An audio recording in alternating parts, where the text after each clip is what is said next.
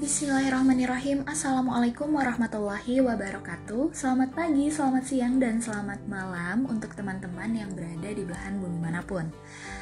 Wah, akhirnya balik lagi nih ya Dengan bersua via suara Karena memang aku sudah semi-semi WFH gitu. Jadi dalam seminggu aku sudah mulai WFO Tapi paling 1-2 hari Dan jadwalnya sudah mulai lebih banyak dari biasanya. Jadi memang harus uh, pinter-pinter nih buat membagi waktu untuk ngekonten bikin podcast ini. Anyway, uh, ini adalah edisi spesial karena kita akan membahas tentang satu cerita atau fase hidup yang pernah aku lalui beberapa bulan lalu dan memang boleh dikatakan prosesnya tidak mudah dan buat aku pribadi ya cukup panjang juga yakni terkait mengikuti rekrutmen PCPM Bank Indonesia Uh, kenapa kemudian edisi spesial ini muncul? Karena sebetulnya berangkat dari apa ya? Bukan keresahan tapi lebih ke kesadaran kali ya, kepekaan. Oke. Okay.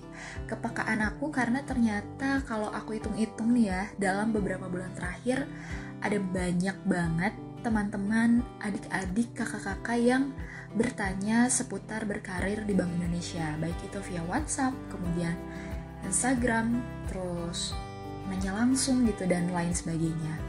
Jadi harapannya podcast ini mudah-mudahan sih bisa sedikit menjawab kebingungan yang masih teman-teman bingungkan apa sih terkait WCP Bank Indonesia. Tapi perlu digaris bawahi dulu nih terkait dua hal. Pertama, aku cerita di sini bukan sebagai representatif official dari HRD atau sebutlah SDM-nya Bank Indonesia. Jadi memang ini hanya sharing berdasarkan pengalaman yang telah aku alami kemarin. Kemudian yang kedua, aku juga sedang tidak dalam konteks mempromosikan bahwa kerja di Bank Indonesia adalah uh, satu-satunya pilihan karir terbaik di antara berbagai opsi lainnya karena aku yakin betul bahwa karir atau profesi apa pun yang sedang teman-teman teman-teman jalani saat ini, entah menjadi pengusaha, guru, dosen, apa pun itu profesinya, bagiku sama-sama hebatnya, sama bagusnya, dan sama-sama bisa menjadi ladang untuk kita menuai amal sama hidup di dunia. Jadi balik lagi ke uh, apa ya niat kita masing-masing. Namun karena kebetulan aku bekerjanya di BI, jadi yang akan aku bahas ya terkait BI gitu. Oke, okay.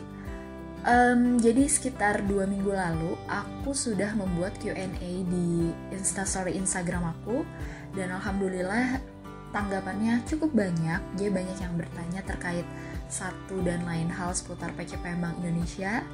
Jadi aku juga sudah coba mengurutkan, bentar ya, aku cek. Hmm. Karena ternyata kalau bikin Q&A gitu uh, pertanyaan yang muncul ternyata bisa variatif banget kan tapi banyak juga yang ternyata pertanyaannya itu mirip-mirip. Nah di sini aku sudah ngelis sekitar ya 8 pertanyaan. Langsung aja ya kita mulai. Bismillahirrahmanirrahim. Satu. Eh kok nggak enak gimana sih kalau jawab Oke, okay, pertanyaan pertama. Jadi banyak yang nanya, no atau kak, PCPM tuh apa sih gitu? Kenapa judulnya tuh PCPM Bank Indonesia bukan kayak ya recruitment Bank Indonesia aja atau sebutannya ODP uh, eh, atau apa pun gitu. Oke. Okay. Nah loh, aku lupa sih sebenarnya kepanjangannya apa ya? Calon pegawai muda lalala gitu kalau nggak salah. Cuman lebih ke makna secara konteks kali ya. Jadi yang perlu teman-teman pahami untuk bekerja atau berkarir di Bank Indonesia itu sebetulnya jalurnya sangat banyak. Bukan hanya jalur PCPM, melainkan juga mungkin aku sebutin beberapa ada yang namanya multi level entry. Jadi itu lebih kayak sudah pro profesional di dunia kerja entah itu sebagai peneliti atau expert di satu bidang tertentu yang memang sudah bertahun-tahun berkecimpung di sana. Kemudian hmm. uh, yang lain juga ada jalur staff ada juga kasir. Kalau teman-teman tahu di BI itu kan salah satu fungsi dasarnya adalah mengelola, mengedarkan uang rupiah dan pokoknya dari proses perencanaan hingga pemusnahan. Nah di sana tuh di Bank Indonesia khususnya di kantor pusat Jakarta itu butuh namanya kasir. Nah kasir ini yang diterima adalah khusus laki-laki. Jadi mereka bekerja di bawah tanah kebanyakan yang biasa kita sebut dengan hasanah gitu ya.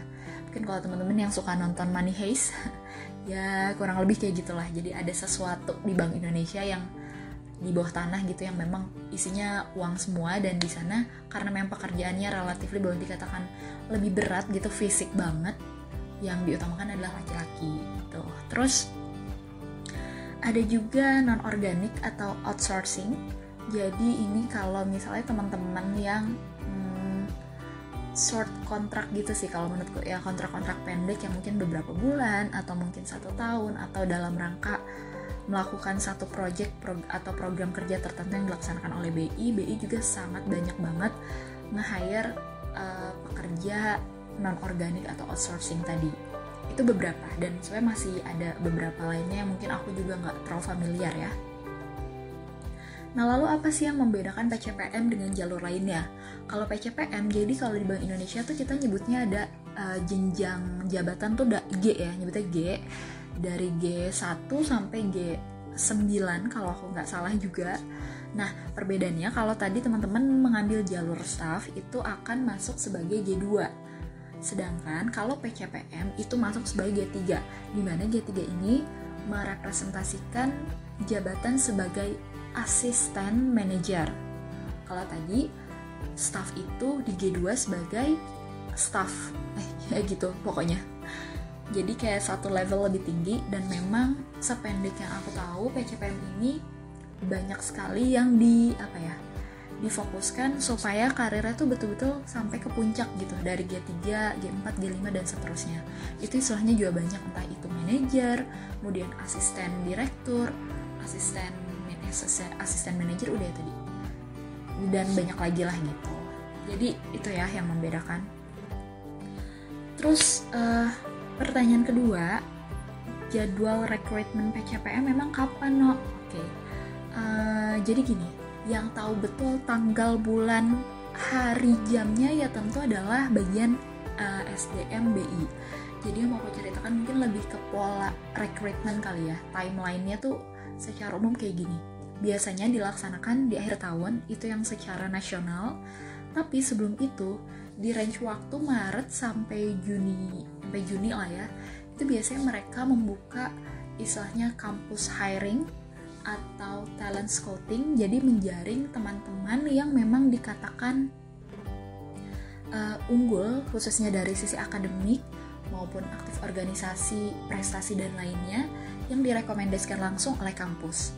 Nah, kebetulan aku pun melalui uh, rekrutmen yang model talent scouting jadi waktu itu aku belum lulus belum wisuda dua minggu sebelum wisuda eh udah lulus tapi belum wisuda maksudnya dua minggu sebelum wisuda tiba-tiba ditelepon itu aku bulan April kalau nggak salah untuk direkomendasikan mengikuti rekrutmen Bank Indonesia. Nah, di sanalah baru aku mengikuti jalur ini. Sedangkan kalau yang nasional yang di akhir tahun, aku harus katakan bahwa saingannya lebih berat karena siapa pun kamu bisa daftar. Tapi kalau yang talent scouting, kampus hiring biasanya dia ada limit untuk S1 tuh maksimal 24 tahun ya kalau nggak salah juga. Aduh banyak kalau nggak salah nih aku ngomong dari tadi. Ya pokoknya aku bercerita sepengalaman aku waktu itu seperti itu. Eh tahun lalu seperti itu. Nah talent scouting atau kampus hiring ini memang syarat mutlak kali ya. Ada ada IPK 3,5 tapi di luar itu pun memperhatikan aspek lainnya ya. Tadi kayak apa sih yang kamu lakukan selama kamu kuliah kemudian juga uh, prestasi apa yang sudah kamu torehkan apakah kamu punya kepedulian terhadap aktivitas sosial kayak gitu punya jiwa sosial yang tinggi dan seterusnya. Jadi kalau aku pribadi karena kebetulan penerima beasiswa BI juga waktu di IPB di kampus hmm, aku melihat interviewnya tuh ya agak mirip-mirip sih. Jadi emang tipikal yang mencari tidak hanya berprestasi bahkan maksudnya tidak tidak mutlak harus jadi berprestasi dalam artian mahasiswa berprestasi dan lain-lain tapi lebih kepada balance gitu ya. Jadi dia berprestasi oke okay, punya aktivitas organisasi iya kemudian juga punya aktivitas sosial juga dan banyak hal lainnya gitu. Jadi banyak banget aspek yang dinilai kemudian kalau untuk talent scouting ini mereka juga penasaran dengan interest kita. Maksudnya kayak waktu penelitian kamu ambil apa kemudian kalau kamu apa once ditempatkan atau diterima di BI pengennya masuk divisi apa? Atau biasanya kalau di kita nyebutnya departemen sih. Departemen atau satuan kerja apa dan lain-lain kayak gitu. Dan ya tadi sih maksudnya kalau kita melalui jalur talent scouting atau kampus hiring ini saingannya nggak begitu banyak setauku ke tahun lalu itu secara nasional ada 700 sampai 800 orang dan yang selected sekitar 50 atau 70 orang di mana kampus-kampus ini pun memang tidak diperuntukkan untuk semua kampus melainkan sekitar top 10 atau top 12 dan top 15 versi Kemenristek Dikti kayak gitu. Jadi ya sudah seleksi layering apa ya? Ya udah udah terseleksinya lebih apa namanya? Aduh udah banyak sih lapisan seleksinya gitu maksudnya dari kampus aja memang tidak tidak semua kampus memiliki kesempatan uh, direkomendasikan langsung gitu untuk bekerja di Bank Indonesia kayak gitu terus juga yang membedakan antara jalur tadi kampus hiring atau talent scouting nasional memang yang jalur kampus ini relatif lebih pendek karena aku tidak ada TPA dan tidak ada tes ke bank sentralan langsung interview sedangkan kalau yang nasional mereka fase 1 pastinya administrasi ya. Cuman setelah itu mereka TPA dan tes ke bank sentralan. Sedangkan kalau aku itu langsung dipanggil betul-betul lusanya tuh berangkat langsung untuk interview. Meskipun kembali lagi tahun ini aku nggak tahu ya polanya masih sama atau enggak. Gitu. Oke, okay. next pertanyaan kedua. Itu maksudnya itu maksudnya pertanyaan, itu maksudnya jawaban dari pertanyaan kedua. Mohon maaf ya aku ini ngomong bener-bener nggak pakai outline apa pun jadi cuman bermodalkan list pertanyaan. Jadi kalau ngomongnya agak muter-muter mohon maaf sekali. Oh ya terus mungkin yang mau aku kasih tahu juga proses rekrutmennya ini panjang banget ya teman-teman. Karena prosesnya atau tahapannya juga banyak.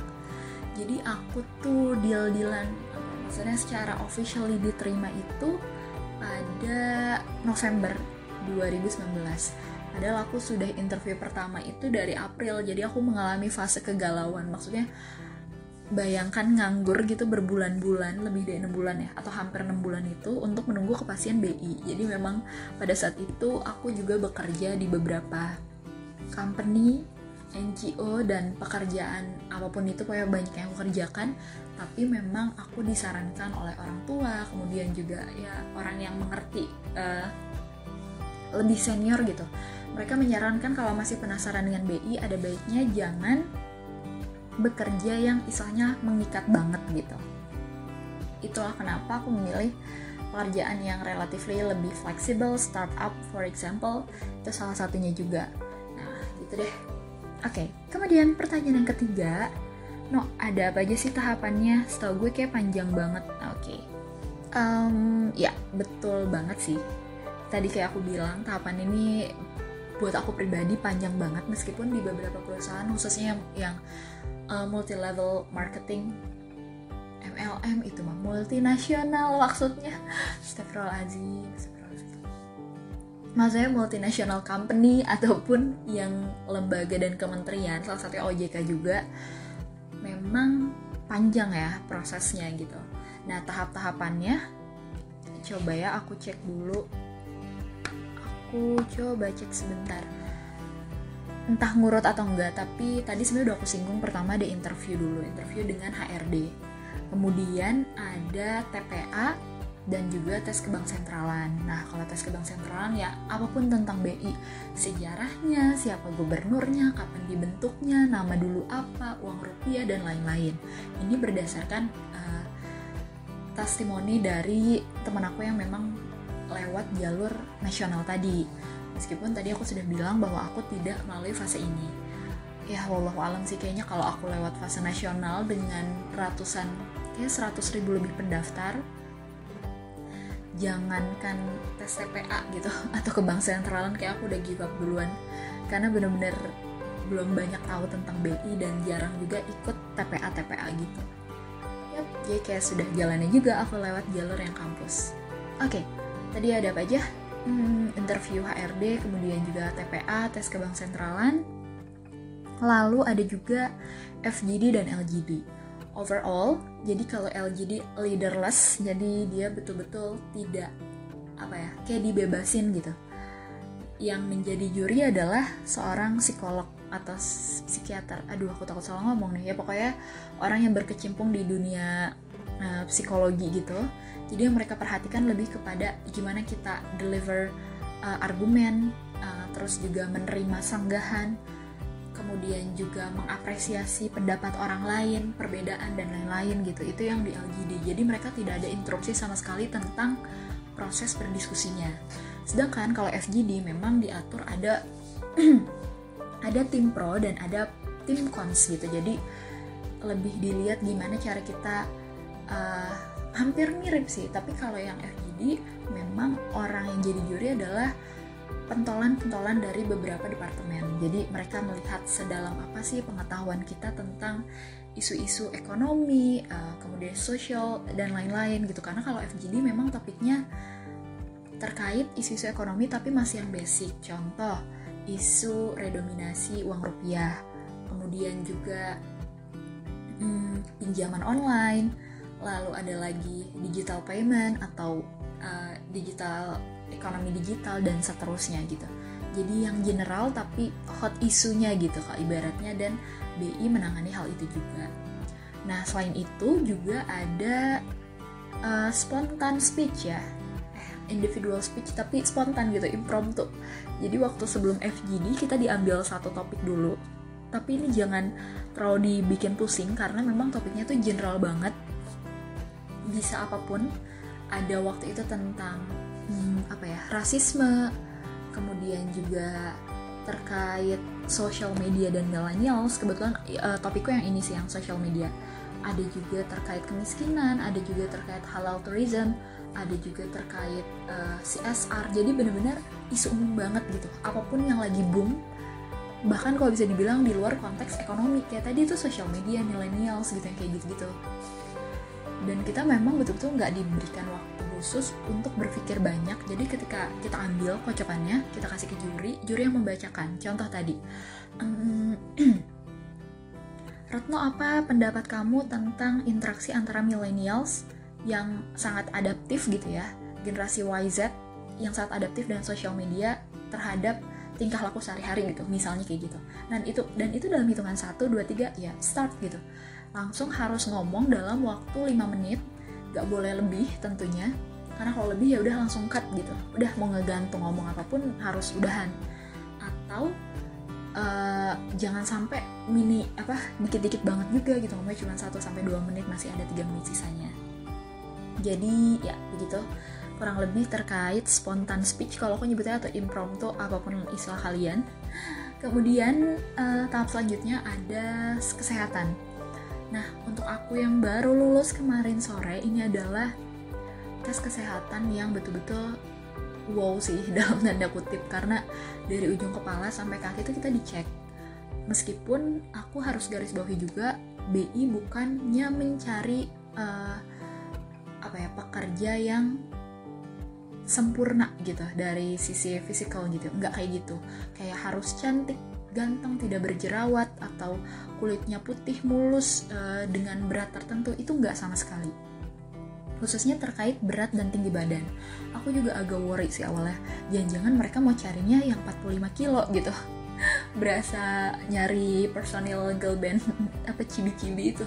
Ternyata enggak mereka tuh lebih ke ideal. Karena kebetulan uh, aku dibandingkan yang lain sedikit lebih tinggi ya jadi aku memang berat badanku pun di atas 50 kg uh, kemudian ketika dihitung aku takut nih uh, agak takut janjian cuman maksimal 45 atau 50 tadi. Tapi ternyata mereka lebih memperhatikan seberapa ideal gitu. Ya kalau tinggi kamu memang 170 justru aneh kalau berat kamu hanya 45 gitu. Itu kayak kurus banget gitu kan.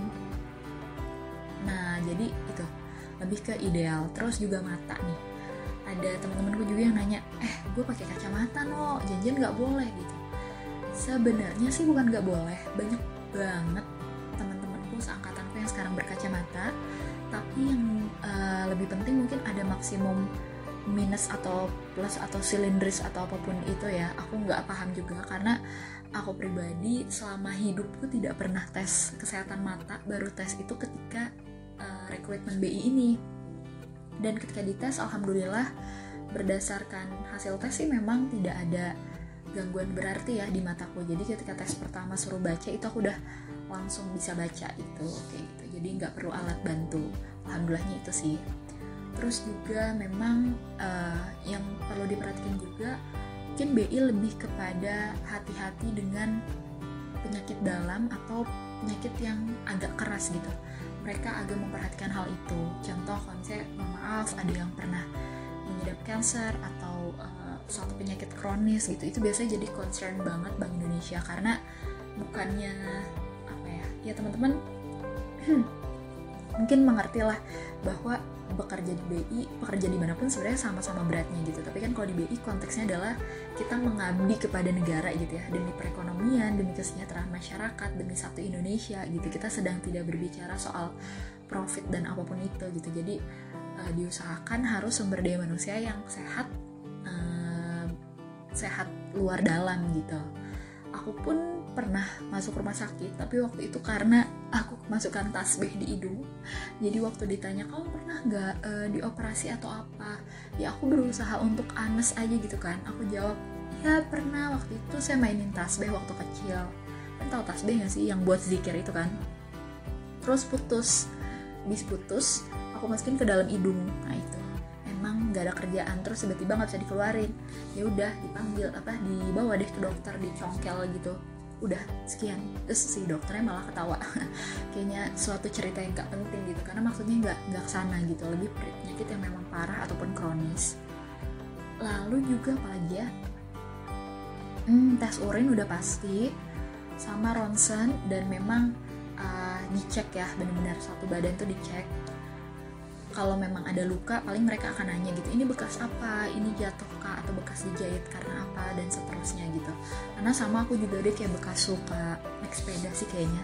Dan emang agak susah hilang gitu. Meskipun cuma panjang panjang dikit gitu tapi nggak gimana gimana cuma ada garis hitam gitu nah mereka akan nanya gitu.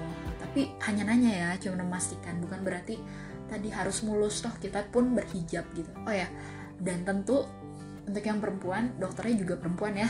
Don't worry. Jadi uh, privacy insya Allah terjaga lah.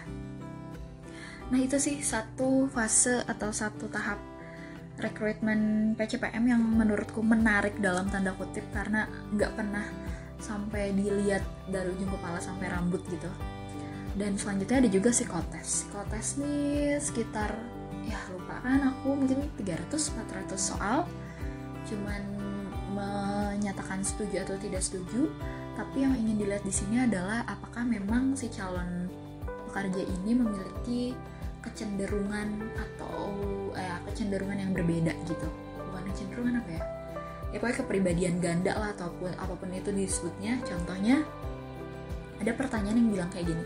Saya menyayangi ibu saya. Kita kan pasti bilang setuju nih ya normalnya. Terus ada di bawah lagi, saya sering membenci ibu saya kalau misalnya kita gampang iya sih saya cinta tapi saya tuh suka benci banget gitu bawaannya pengen menyakiti ibu saya gitu nauzubillah ya. Ini misalnya contohnya orang yang memang punya kepribadian berbeda gitu biasanya dia suka spontan dan tidak bisa konsisten ngebohongin. Itulah kenapa pertanyaannya juga banyak. Ini sependek ya pemahaman aku ya.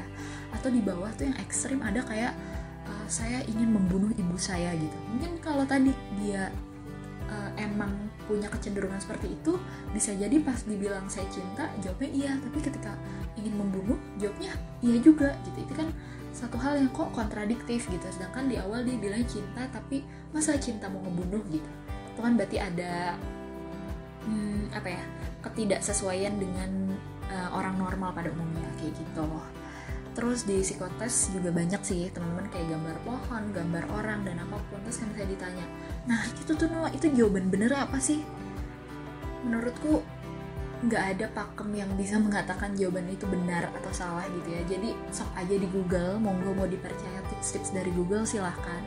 Tapi kalau aku lebih menggambar apa-apa yang memang nyaman aja gitu nggak mau dibuat-buat gitu supaya mereka pun mengetahui this is me gitu tapi ya setidaknya niat. Dan kalau ngegambar tuh jangan pernah panik karena ngerasa aduh asli gue nggak bisa gambar. Gue gambar lari eh lari apa garis aja tuh penyok-penyok gitu nggak lurus. Itu aku banget sih. Dulu aku sempat ngomong gitu tapi ternyata di psikotes tuh bukan itu yang dilihat. Tapi lebih dilihat komponen unsur uh, cara guratan dan seterusnya. Contohnya ada beberapa orang yang bilang kalau gambaran kita tuh lebih ke arsiran tipis-tipis gitu ya. Itu melihat memperlihatkan bahwa kita tuh nggak yakin. Terus kayak banyak bekas hapusan atau coretan juga. Itu tadi orangnya kurang confidence tapi kalau kita berani bikin wajah tuh langsung bulat bulat bulat dengan tekanan yang strong ya sebenarnya itu bisa dilihat juga bahwa dia orangnya mungkin ambis gitu. Tapi ambis pun bisa dikatakan bisa dilihat dari sisi positif dan negatif gitu. Jadi memang hanya tim juri dan mereka lah yang mengerti betul penilaiannya apa gitu. Yang jelas kalau mau disuruh gambar gambarlah apa yang memang uh, sesuai dengan hati dan pikiran dan gambar sebaik-baiknya lalu ada wawancara psikolog juga. Aduh ini panjang banget udah mau setengah jam. Oke. Okay. uh, eh, ada wawancara psikolog juga. Kamu lebih deh di sini tuh lebih ditekankan mereka tuh pengen tahu ini sih kalau aku perhatikan ini lagi-lagi berdasarkan pengalamanku pengen tahu gimana kamu menjalani hidup gitu. Namanya hidup kan nggak nggak selalu berada di puncak namanya hidup tuh nggak selalu stagnan. Kadang kita ada di bawah kadang kita ada di atas. Nah mereka tuh penasaran dengan apa sih masalah terberat yang pernah kamu hadapi atau titik terlemah kamu selama hidup gitu. Nah ini teman-teman jangan terjebak ya. Ini lagi-lagi uh, menurutku aja sih ketika teman-teman ditanya titik terendah atau masalah besar yang dihadapi jangan jadikan ini ajang curhat kayak konseling uh, gitu. Cukup ceritakan seadanya eh maksudnya seperlunya sewajarnya dan hmm, yang lebih di highlight adalah gimana kita untuk bangkit lagi gitu. Itu yang menurutku ingin mereka ketahui. Aduh maaf ya aku ya itu yang ingin mereka ketahui jadi oh misalnya dia pernah mengalami uh, kesulitan bayar UKT kuliah gitu. Ini sebenarnya topik aku juga sih. Apa nih yang dia lakuin? Bukan malah kayak cerita, iya, so ibu saya di PHK, ya bapak saya uh, meninggal, uh, terus perusahaannya kolaps dan seterusnya. Saya udah ngerti lagi sama hidup saya, gitu-gitu. It's not good kalau bu menurutku. Jadi lebih kepada, oke, okay, uh, kita selalu punya tantangan dan masalah dalam hidup, tapi saya akan menunjukkan bahwa saya bisa survive dan saya bisa mencari solusi atas permasalahan itu. Itu yang perlu teman-teman hadirkan gitu dalam proses wawancara kalau menurutku. Karena memang faktanya ada juga beberapa teman-temanku tuh yang keluar nangis mungkin karena emosional ya.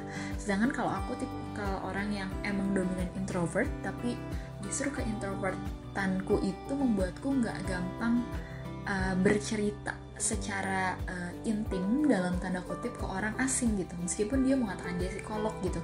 Jadi ketika ditanya aku hanya bercerita seperlunya dan tidak menunjukkan ekspresi yang too much gitu. Meskipun mungkin kalau aku cerita ke sahabat ke orang terdekat itu bisa seemosional itu nangis sedih. Tapi kalau dengan mereka tuh nggak perlu kayak gitu. Nah terus apa ya? Mereka juga mencoba menggali idealisme gitu. Ya pengen tahu aja pandangan kita misalnya melihat melihat uh, perpecahan di negara ini karena isu sara dan seterusnya gitu. Adakah kita uh, condong ke salah satu pihak tapi dengan cara-cara yang nggak baik gitu? Bahkan kalau nggak salah aku juga sempat ditanya kamu mau demo nggak atau yang kayak gitu-gitu sih? Dan aku nggak akan cerita preferensi aku kayak gimana karena sok aja monggo teman-teman bi anas ketika ditanya kayak gitu. Karena ya itu tadi setiap orang punya cara masing-masing untuk mengekspresikan pendapat yang berbeda gitu dengan cara demonstrasi, dengan cara membuat suatu karya, dengan cara menulis dan banyak lagi. Oke, okay. Huff. Kayak aku bagi jadi beberapa sesi kali ya. Ini part satu deh.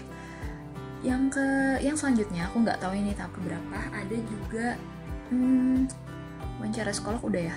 Oh ya, diminta untuk mengirimkan video profil tentang diri kita itu waktunya hanya 1 sampai 2 menit. Jadi uh, anything gitu kan boleh ceritain apa pun.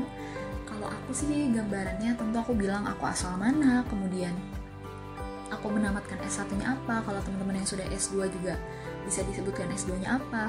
lalu juga aktivitas aku apa interest aku apa tapi interest di sini bukan hobi ya lebih kayak interest yang relate dengan expertise kita jadi bukan kayak ngomong ya hmm, hobi saya adalah masak menulis gitu tapi lebih ke interest yang menghasilkan sesuatu gitu. Dan aku nggak inget juga sih sebenarnya video ini tuh harus bahasa apa tapi waktu itu aku pakainya bahasa Inggris. Terus kalau misalnya teman-teman bilang wah editingnya harus gimana gimana sebenarnya enggak aku cuma naruh kameraku di depan lalu aku ngomong udah itu aja. Pakai teks di bawah sih paling kayak uh, di TV-TV gitu kayak lagi wawancara gitu. Hanya itu meskipun banyak teman-temanku juga yang katanya sih pakai footage itu memang berkesan. Tapi lagi-lagi uh, tidak menjadi apa ya concern utama dari tim juri sih kalau menurutku. Lebih melihat konten gimana kamu ngomong uh, emosi kamu seperti apa kemudian kalau memang kamu pakai bahasa asing apa pun itu juga bahasa asing yang memang betul-betul kamu kuasai pronounnya kayak gimana grammar and so on gitu. Jadi lebih ke sana sih yang dilihat gitu tapi emang teman-teman yang pakai bahasa non Inggris bahasa asing lainnya dan dengan footage yang wow itu akan jadi satu nilai plus gitu jadi kalau kalian bisa monggo dilakukan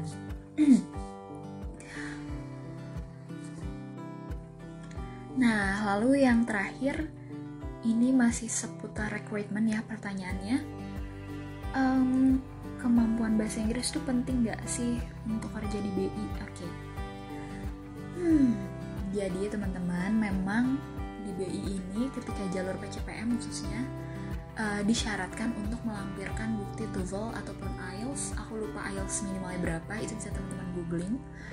Kalau TOEFL entah 550 atau 500 yang itu tadi, jadi memang ada syarat itu.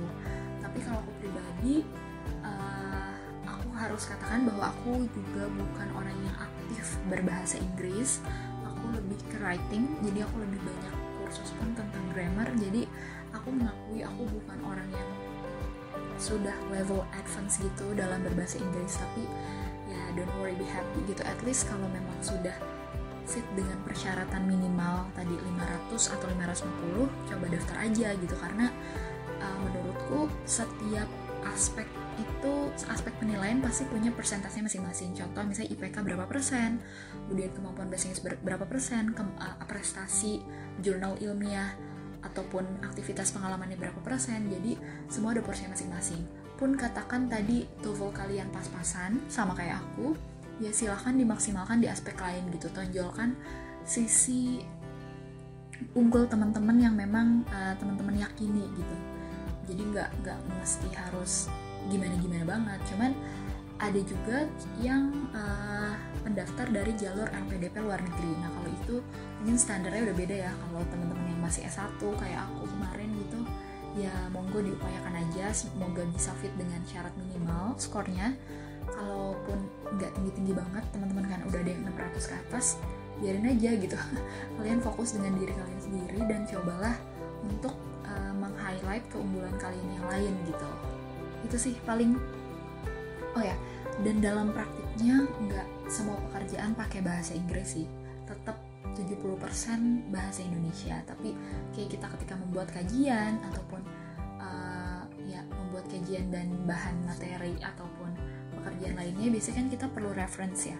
Referensinya ya kalau misalnya sekelas jurnal haruslah jurnal-jurnal yang kredibel kalau jurnal kredibel at least dia bahasa Inggris gitu. Tapi ketika kita present ataupun apa pun nggak jarang sih jarang banget pakai bahasa Inggris gitu. Tapi bukan berarti oh ya udah santai enggak sih. Untuk aku pribadi yang memang bahasa Inggrisnya pun masih bawah banget ya belum belum gimana gimana gitu keluar negeri pun belum sehebat teman-teman yang dengerin nih mungkin udah keliling berbagai negara gitu.